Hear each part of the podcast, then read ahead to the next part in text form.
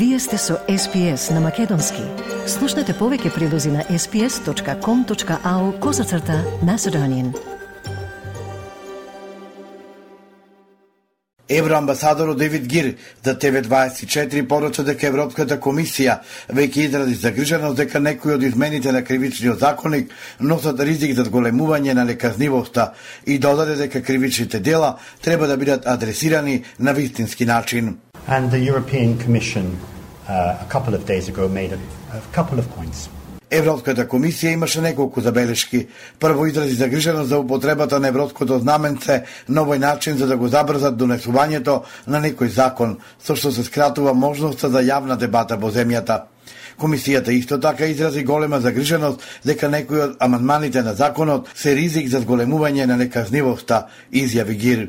Власта за сега не реагира на забелешките на Европската комисија и на САД за измените на кривичниот законник, но председател на ВМРО ДПМН Христијан Митковски пред новинарите повтори дека намалувањето на казните не е дел од договор со опозицијата за гласање на уставни измени, туку законите се сменети за потребите на власта. Се подготвуваат за опозиција. Мисла дека на тој начин ќе бидат амнестирани за сиот криминал кој што го правеле изминативе години но мојата порака до нив и до сите оние кои што се надеваат дека на овој начин се спасиле од било која власт. Повторувам, од било која власт се лажат. Министерот за правда Кренар Лога лично ги посети затворениците во Идризово, откаде ги повика пратениците да покажат хуманост и да го поддржат законот за амнестија. Поред Лога таму има мизерни и субстандарни услови, пренатрупаност, затвореници кои спијат на пот, без здравствена заштита и соодветни санитарии, искршени кревети, мувлосани зидови. Поред Лога, тоа било доказ дека е потребна итна амнестија. Опозицијскиот лидер Митковски на пред новинарите изјави дека за следните чекори партијата ќе решава откако детално ќе го разгледа законот за амнестија а премиерот Димитар Ковачевски повикува на дебата наместо на блокада. Не ја исклучува можноста законското решение да претрпи одредени измени во рамки на собраниската дебата, пренесува Канал 5. Јас сметам дека тоа треба да се треба да се направи, бидејќи се работи за закон кој што а, ги подобрува процедурите, ги забрзува процедурите, не дава никаква амнестија на некој кој што направил тешко дело, точно наведени во самиот закон, и затоа мислам дека не треба амблок да се отворила, туку треба да се отвори да се отвори парламентарна дебата.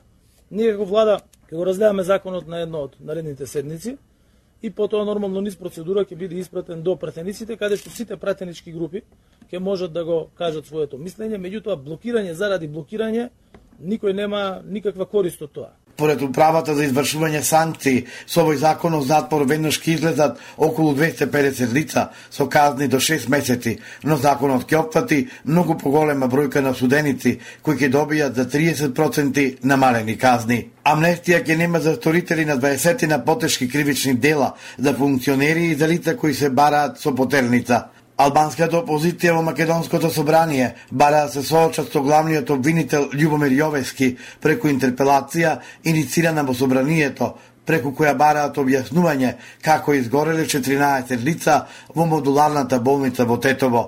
Беса, Алтернатива и Демократското движење велат дека постојат сомневања дека обвинителството предводено од Јовески криело факти и бараат иницијативата да биде ставена на дневен ред во рокот утврден со деловник, односно 15 дена од денот на доставувањето. ВМРО ДПМН потврдува дека ќе поддржи иницијативата за интерпелација против Јовески.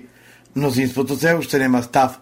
ОСДСМ велат дека ќе ги разгледаат образложенијата во иницијативата за интерпелација против повинителот, а потоа ќе се изјаснат провокација и обид за асимилација е посетата на бугарската подпредседателка Илијана Јотова на Голобор до Албанија, каде треба да отвори училиште на бугарски јазик, велат македонците кои живеат таму. Ова не е прва ваква посета на бугарските представници кои делат пасоши и го бугаризираат македонското малцинство, потенцира активистот Едмонд Османи, инаку втор човек на единствената партија на македонците во Албанија во изјава за ТВ Сител.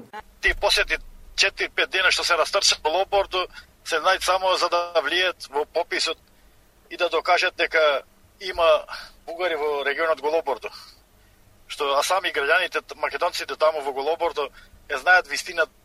Тоа веќе само е асимилација поќе оди, пошто ти им даде да пашуш, а сепак и за пашушите, тие 20 луѓе што се растарча, тие собираат пари, со секој пашуш таму кошта до 3000 до 5000 евра како што речено сами граѓаните што кажуват. Посетата на Јотово се организира во пресред на пописот во Албанија, закажан за 18 септември. Премиерот Ковачевски очекува тој попис да биде коректен со оглед на одличните односи на релацијата Скопје-Тирана потенцира дека македонците во Албанија не се оставени сами. Владата е ангажирана во давање помош и поддршка, а тоа го докажала да со донации и директни контакти, рече Ковачевски за МТВ. Ние ги цениме и ги сакаме нашите македонци во Албанија, ги сакаме нашите македонци и во Грција, и во Бугарија, и во Србија, и во цел свет. Нема држава во која што нема македонец и на сите подеднакво им помагаме а, во однос на негување на македонскиот јазик, во однос на негување на а, македонската литература, во остварување на правото на а, образование. Подпредседател на ВМРО ДПМН Александар Николовски се огласи со реакција за посетата на бугарската подпредседателка Јотова на Албанија. Цитирам, Бугари во Албанија нема, Кога Македонија не работи, ќе работи асимилаторската политика на Бугарија, наместо да ги спроведе пресудите на Европскиот суд за човекови права од Страсбур, со кои се бара признавање на македонците во Бугарија и нивно право на здружување и мајчин македонски јазик, Бугарија бара непостоечки бугари во Албанија, купувајќи ги душите на луѓето кои се напатени и измачени и живеат во тешка сиромаштија во Албанија, нудејќи им бугарски пасоши со кои можат да одат во побогатите земји на него по парче леп, објави на Фейсбук Николовски што ќе ги посоветува властите во Софија и Скопје за да решат тензијата и да го забрзаат интегративниот процес на Македонија. Ново прашање упатено од Бугарската национална телевизија до председателката на Европската комисија Урсула фон дер Лајен, таа го даде следниот одговор, а пренесува Дојче Веле на македонски. Цитирам, ние имаме согласност за процесот. Тоа е процес кој важи и за двете земји. Принципите треба да бидат исполнети. Поред мене тоа е многу важен чекор, бидејќи сакаме по процесот на скрининг да започнат разговорите за присоединување на Северна Македонија. Тоа е важно, а и бугарските интереси се испочитувани, ја пренесе БНТ изјавата на председателката на Европската комисија, дадена по последното обраќање во незиниот мандат пред Европскиот парламент. Бугарија досега не спроведе ниту една од 14 пресуди на Судот за човекови права, кои се однесуваат на одбивање на тамошните судови да регистрираат дружение на македонци Бугарија, пренесува Дојче Веле.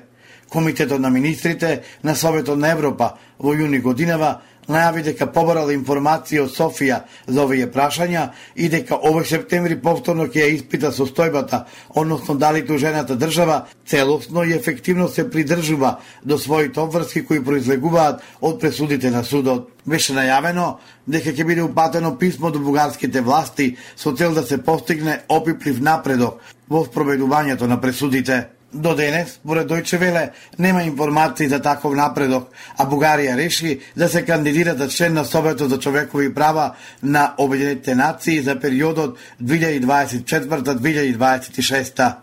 Како што пренесува бугарските медиуми, кандидатурата била представена од шефицата на дипломатијата Марија Габриел на 5 септември во Софија. Мислам дека е дволично и лицемерно од Бугарија да се кандидира за член на Советот на Обединетите нации за човекови права, во време кога одбива да ги спроведе пресудите на Европскиот суд за човекови права од Страсбур, како врвна европска институција за заштита на човековите права оценува Александар Николовски, подпредседател на ВМРО ДПМН, се надевам дека земите членки на Обединетите нации нема да дадат поддршка, имајќи ги предвид негативното искуство на Бугарија во дело на почитување и унапредување на малтинските јазичните права, вели Николовски, а пренесува Дојче Веле.